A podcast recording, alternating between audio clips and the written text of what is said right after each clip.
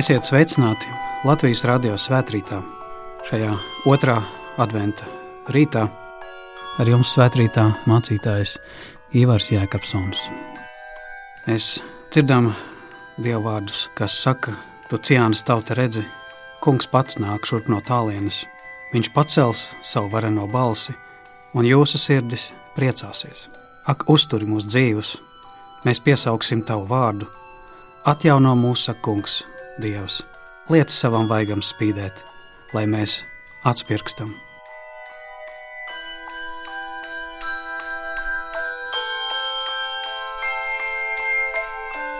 Šī psalma vārdi ir ievads šai dienai, kas liecina par gaismu, gaismu, kas nāk no Dieva dēla.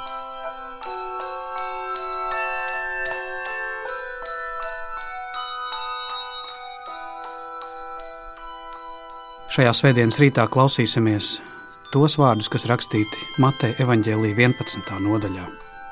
Jānis, atrastamies ieslodzījumā, dzirdēja par Kristus darbiem un nosūtījis pie viņa savus mācekļus, lika viņam jautāt, vai tu esi tas, kam jānāk, vai mums kāds cits ir jāgaida? Jēzus tiem atbildēja: Ejiet un sakiet Jānim visu, ko dzirdat un redzat. Proti, akli redz, kropli staigā, spitālīgi top šķīstīti, un kurlie dzird. Mirušie augšām ceļas, un nabagiem tiek sludināta prieka vēsts. Laimīgs ik viens, kas manis dēļ neapgrēcinās, sacīja Jēzus.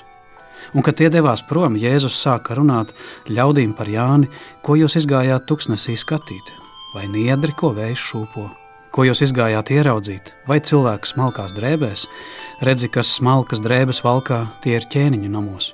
Ko jūs izgājāt ieraudzīt? Vai pravieti? Patiesi es jums saku, pat vairāk nekā pravieti.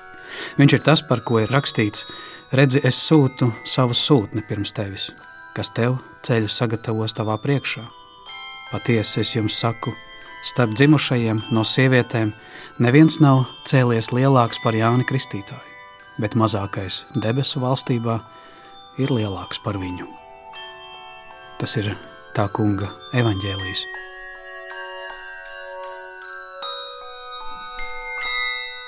Mēs lūdzam, Svētīkungs, mūsu šī tava vārda patiesībā. Āmen!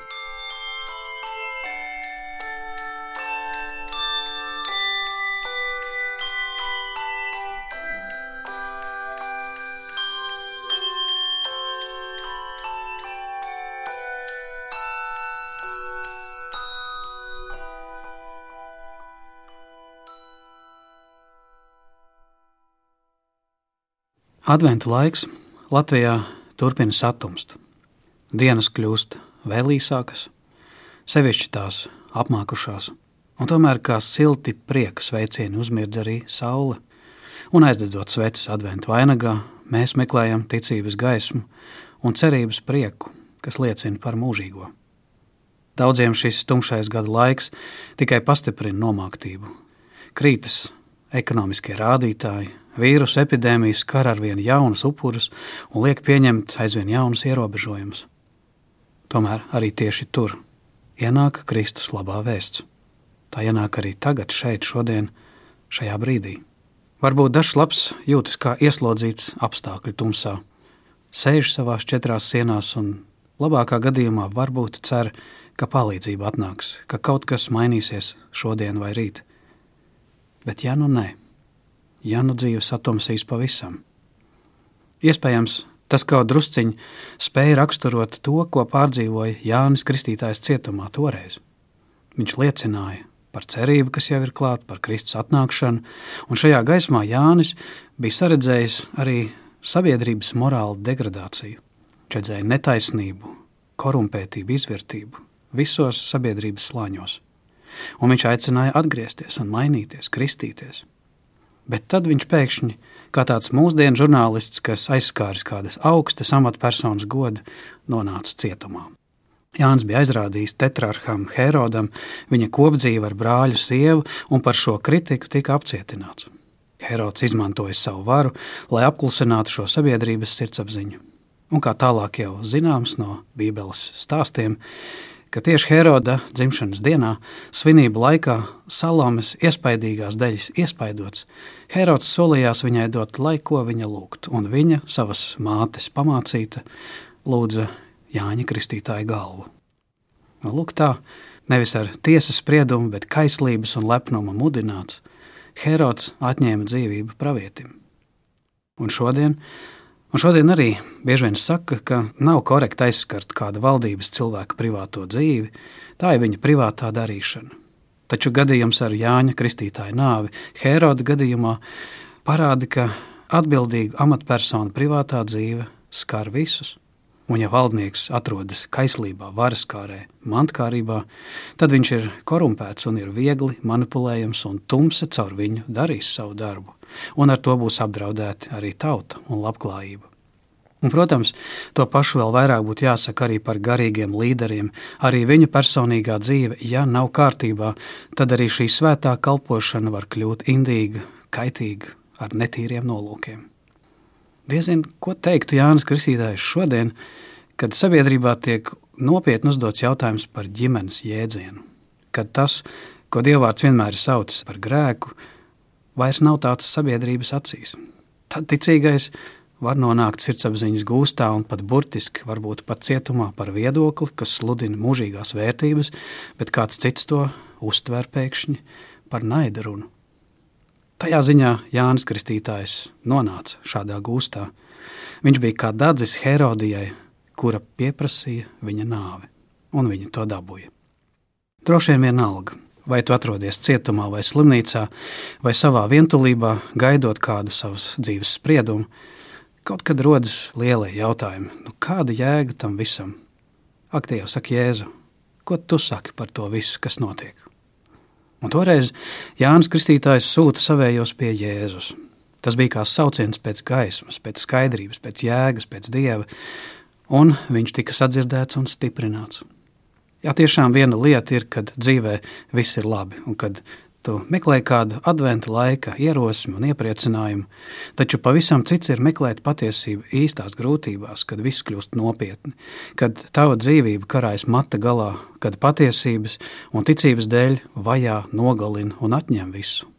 Tā tas bija ar kristietību pirmajos gadsimtos, un tā tas ir vēl šobrīd zemēs, kur radikālie režīmi vajā kristīgo brīvību, un bieži vien arī brīvajās zemēs kristieši piedzīvot sabiedrības spiedienu. Un tieši tad, par spīti visam, tu atrodi, ka blakus visām tām mainīgām, zudošām vērtībām ir kaut kas vērtīgāks un stabilāks par lietām, kas tev pieder, un tā ir ticības bagātība. Tas ir tas, ko var likt pretī visām bēdām. Kā kāds teica, ka cerība ir nākotnes mūzika, bet ticība tev liek pie tās dejot jau šodien kāds no mocekļiem nacisma laikā Vācijā, Lutāņu mācītājs Dietrichs Bonhēfers rakstīja no cietuma. Es ticu, ka nekas, kas ar mani notiek, nav bezjēdzīgs, ka tam būs kāds labums mums visiem, pat ja tas notiek pret mūsu vēlmēm, kā es to saredzu šeit, cietumā. Es esmu ar kādu mērķi, es tikai ceru, ka varēšu to piepildīt. Tā viņš rakstīja ieslodzīts par pretdarbību Hitlera režīmam, nācismu varas laikā Vācijā. Un tieši visgrūtākajā savas tautas un baznīcas laikā, kad nācisms kā ideoloģija gribēja visam uzlikt savu zīmogu, viņš atgriezās dzimtenē, lai kalpotu, lai dzīvotu, lai cīnītos kopā ar savējiem. Un, protams, par to tika apcietināts. Un nāves sots viņam tika īstenots pašās otrā pasaules kara beigās, tikai mēnesis pirms atbrīvotāju ierašanās viņš brīvību nesagaidīja. Tomēr bija tās liecinieks un cīnītājs. Arī viņš dzirdēja šo cerības mūziku un jau pat savā cietuma kameras tumsā varēja dejot tās ticības gaismā. Pateicoties savai sadarinātai līgavai, savai mīlestībai, kura drīkstēja viņu apciemot, viņš sūtīja ziņas pasaulē un stiprināja citus. Un viņš sacīja, nekas nav bezjēdzīgs. Tam visam būs kāds labums. Un pat ja viss iegriežas citādi, kā vēlos, es esmu šeit ar kādu mērķi un ceru, ka to varēšu piepildīt. Ticu, ka šādi vārdi nāk no patiesas Jēzus gaismas. Tā izgaismoja Bonhēfera dzīvi un arī cietumu kameru pirms gadsimta, Tāpat kā Jēzus gaisma izgaismoja arī Jāņa Kristītāja likteni pirms gadiem 2000. Lūk, gaisma cietuma tumsā. Vārdi ir gaisma arī mūsdienu apjukušai sirdī, ka visam ir jēga, es šeit pasaulē esmu ar kādu mērķi, dieva dāvanu un dieva mērķi. Tā apliecināja ticību cilvēks, kuram advents bija daudz tumšāks nekā mums, bet viņa gaisma neapdzisa. Šī gaisma spēja stiprināt viņu pašu un arī citus ārpusē, un tāds spēks nāk tikai no dziļas un patiesas ticības, kas stāv pāri nāvei. Ticība, ka vēl ir Dievs, kurš zina labāk un redz tālāk par mūsu acīm, par mūsu spriedumiem. Cietuma bezjēdzībā tas ļāva viņam saredzēt cerību un izdzīvot iekšēju brīvību un deva spēku izturēt līdz galam, jo Dievs ar mani ir arī tur. Šogad mēs piedzīvojam katrs savu adventu, katrs esam savā situācijā. Tomēr vēsts ir viena - Kristus ir tuvu, viņš ir šeit. Viņš nāk pie mums katra, un tu viņu vari sastapt, kā ieslodzītais vai šaubīgais. Ja vien tu uzdrošinies tuvoties viņam un ieklausīties viņa vārdos, runāt ar viņu lūgšanā un atrast kādu sarunu biedru draudzes kopībā kaut tu ļautu savai sirdī atvērties tieši viņam, tad tu arī vari būt izgaismots un atbrīvots. Jo ar Kristu ir vislielākā brīvība pat cietumā, pat šaubās, pat slimībā un pat nāves tuvumā. Drīzāk bez Kristus dzīve ir cietums, pat ja neesi ieslodzīts kamerā, un pat visnodrošinātākā dzīve bez Dieva var palikt vien tukša eksistence. Bonhēfers sēžot ieslodzījumā sacīja, ka nekas nav bezjēdzīgs. Es šeit esmu ar kādu mērķi. Tas bija rezultāts viņa attiecībām ar dzīvo Dievu. Jautājums ir, ko mēs, ko jūs darat kritiskos brīžos, kad iestājas kāda dvēseles tums, šaubas, nogurums? Kas ir tie jūsu padomdevēji grūtā brīdī? Ļaudis bieži to atrod Bībelē, patiesību, kas ir mūžīga, kas dod cerības graudus tā vienā slimnīcā blakus nodaļās, pie tās pašas grāmatas, pie tās pašas dievišķās patiesības, mierinājumu un prieku var atrast gan mazs bērns, gan sirds vecs profesors. Garīgo meklējumu pieredze rāda, ka nomāktības laikā nereti paša prāts vai paša sirds nav īstais gaismas avots. Nepietiks ar jautājumiem sev pašam, ja tavs noskaņojums ir depresīvs. Tad ir svarīgi kāds ārējs cerības un ticības avots, kāds atbalsts no malas. Un Jānim tāds bija Jēzus. Jānis savējos sūtīja pie Jēzus. Tā ir kā lūkšana, kurā uzticam to, kā tev iet. Lūkšana, kuras sarunas gaitā, tu sadzirdi atbildi, kas kļūst tev par gaismu savotu, kas pasniedz tev roku un ļauj piecelties. Tas var būt vislabākais pagrieziens grūtā brīdī un ikdienā. Tas var novērst tavu bojāju šī viena patiesa sirds saruna ar Jēzu. Kā Jēzus lika atstāstīt Jānim, ko jūs redzat? Aklie redz, kroplie staigā, spitālīgie top šķīstīti, kurlie dzird mirušie augšām ceļas, un nabagiem tiek sludināta prieka vēsts. Lūk, patiesas piepildījums tiem psalmu vārdiem, kuri ir sacīts 119. psalmā, ka kungs tavs vārds ir manu kāju spīdeklis un gaišums uz maniem ceļiem. Jēzus atbildi iespējams pārsteidza Jāni un arī mūsu šodien. Tāda ir tā gaisma, kas pārvar šķēršļus, lai kādi fiziski ierobežojumi būtu. Tas, ko darīja Jēzus, tas, kā Jēzus nāca pie cilvēkiem, nav nevienam citam līdzīgs. Jēzus darbi liecināja viņu atsliecinieku liecības Bībelē, ka te patiešām notika tādas lietas, kas ienesa gaismu katrā situācijā. Gan pie aklajiem, slimajiem, pat mirušiem. Tā ir prieka vēsts. Jāņa vēsts no cietuma šis jautājums, vai tu esi tas, ja mums būs citu gaidīt, šķiet bija pilns šaubu un jautājumu. Kas bija noticis pa šo laiku ar pašu Jāni? Jo Jānis pats taču bija kristījis Jēzu un burtiski pirms kāda gada vai mazliet vairāk bija sacījis, tas, ko es kristīju, tam es redzēju garu, kā balot nolaižamies pār viņu. Dieva jērs, kas nes pasaules grēkus, un tas ir Jēzus. Viņš, pār kuru tēva balss no debesīm sacīja, šis ir mans mīļotais dēls. Lūk, viņš glābējs un mesija. Viņš, kam neesmu cienīgs pat kurpes atraisīt. Viņš, kurš kristīs ar uguni un garu. Vai Jānim, atrodoties cietumā, tas viss bija aizmirsies? Jāsaka, ka daudziem dziļā tumsā atrodoties, daudz kas aizmirstas, atceras bieži vien tikai slikto. Dievs arī pārstāja eksistēt, un šķiet, ka mani vairs nemīl man ir pametis. Taču, lai kā es justos, lai kāda tumsa būtu apkārt, Dievs nepazūd un nemainās. Tam visam ir jēga, kā rakstīja Bonhēfers. Man vēl tā aizvien ir kāds mērķis, vai es to atradīšu un piepildīšu. Pat ja dzīve piedzīvo dramatiskas izmaiņas, un viss notiek ne tā, kā es gribētu. Jāņa apstākļi tiešām bija mainījušies. Jānis piedzīvoja tumsu, tomēr šķiet no cietuma šis jautājums nāk ne tikai viņa dēļ, bet savu tuvāko dēļ. Jo par Jāni pašu taču bija sacīts, ka viņš ir vairāk nekā pravietis. Jānis nav tas, kurš maina savas domas mainīgajos vējos. Jānis nemet kažoku riņķī, kad draud briesmas. Jānim patiesība, dieva patiesība ir svarīgāka par viņa paša labklājību. Tad kāpēc šis jautājums? Tas noteikti ir kaut kas līdzīgs tam, kas gaida kādu vēl vienu apstiprinājumu Jā, toreiz es nepārklausījos. Tu esi tas, un es gribu atkal to dzirdēt. Tas varbūt ir līdzīgi kā ģimenē, kurš šad tad, ir sevišķi krīzes brīdī, aiz jautājuma, vai tu mani mīli, nav tik daudz šaubas, bet vēlme vēlreiz dzirdēt atkal un atkal, es tevi mīlu, viss būs labi. Ir gaisma. Lūk, advents nāk ar gaismas vēsti atkal un atkal, pat ja tumsa turpina sabiezēt. Priekšā vēl gara ziema, Ziemassvētki atnāks ar ierobežojumiem, bet Dievs nav pārstājis tevi mīlēt, Viņš nāk un viņa diena tuvojas. Pat ja dzīves ceļš, kā Jānim Kristītājam, ir iegriezies tumsā, un pat ja viņš pats nepieredzēs labākus laikus, ir gaisma. Nākamās paudzes, visa tauta un mūžība mirdzēs Dieva spožumā.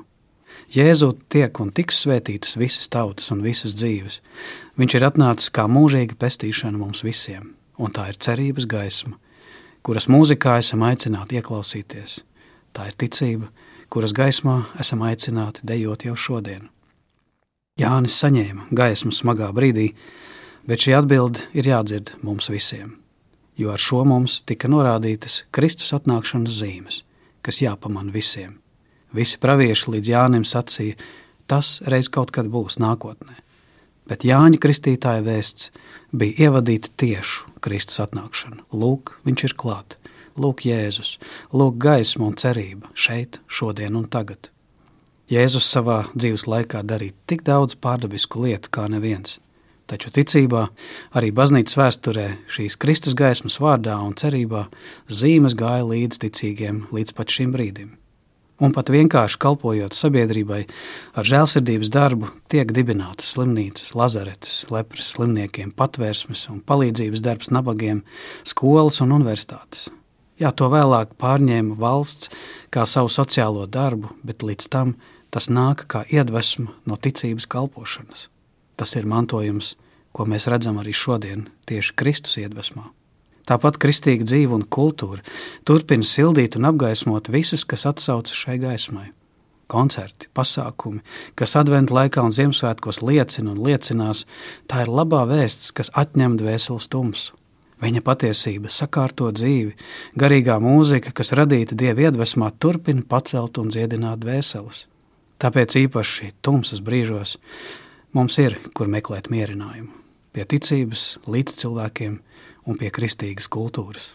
Dievs mums to ir dāvājis kā dārgu mantojumu, ko esam aicināti novērtēt atkal no jauna un nodot pasaulē. Tagad mēs esam daudz tuvāk nekā iepriekš. Mums ir bagāts mantojums. Jānis Kristītājs savā vēstī neizdebēja grēkam vai iegribām, viņš aicināja atgriezties. Kopā ar viņu arī mēs esam aicināti lūkoties uz Kristu, kurā ir patiesa dziedinājums, cerība, brīvība un dzīvība. Jānis Kristītājs aicina arī mūs spērt soli tuvāk Kristum. Tas ir advents, Kristus atnākšanas klātbūtne un sagaidīšana. Pat ja vēl ir daudz jautājumu, vai tas ir viņš, vai mums būs citu gaidīt, jautājums ir, vai tu esi gatavs klausīties atbildēs. Un tā katru gadu no jauna, iesākoties jaunam baznīcas gada ciklam, mēs esam aicināti izdzīvot Jēzus dzīves stāstu, lai katru gadu no jauna aizvien vairāk iepazītu Jēzus personu. Šajā gaismā top redzams patiesi, ka nekas nav bezjēdzīgs, ka visam ir kāds labums un Dieva svētība. Šai pasaulē mēs esam ar kādu mērķi, un ceru, ka mēs to varēsim piepildīt. Novēlu mums katram Dieva gara vadītus un lūkšanā saņemtus gaismas mirkļus, ko saņemt un dāvāt citiem. Katrs smaids, katrs sūtīts sveiciens, katra dāvana, katra pateicība, lai izgaismo mūs visus ar Dieva mīlestību, kas Kristū atklājusies. Svētīgu jums visiem adventu, priecīgus, tuvojušos Ziemassvētkus! Āmen!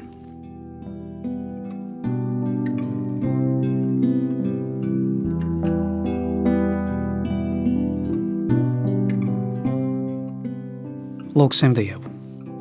Mīļais debes Tēvs, mēs pateicamies par Tavu gaismu, kas spīd pasaules tumsā.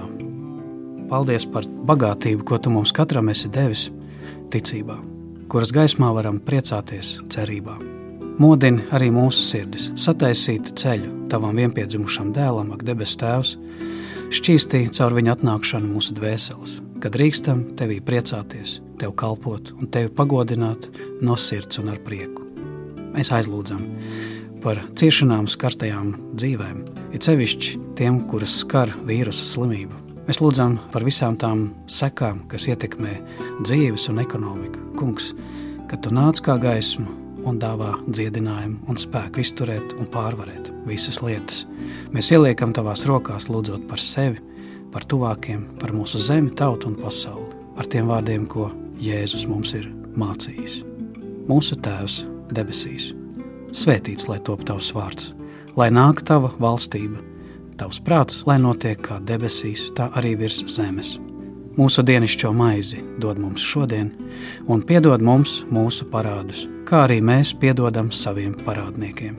Un neieved mūsu kārdināšanā, bet atpestī mūs no ļauna, jo tev pieder valstība, spēks un gods mūžīgi. Āmen! thank you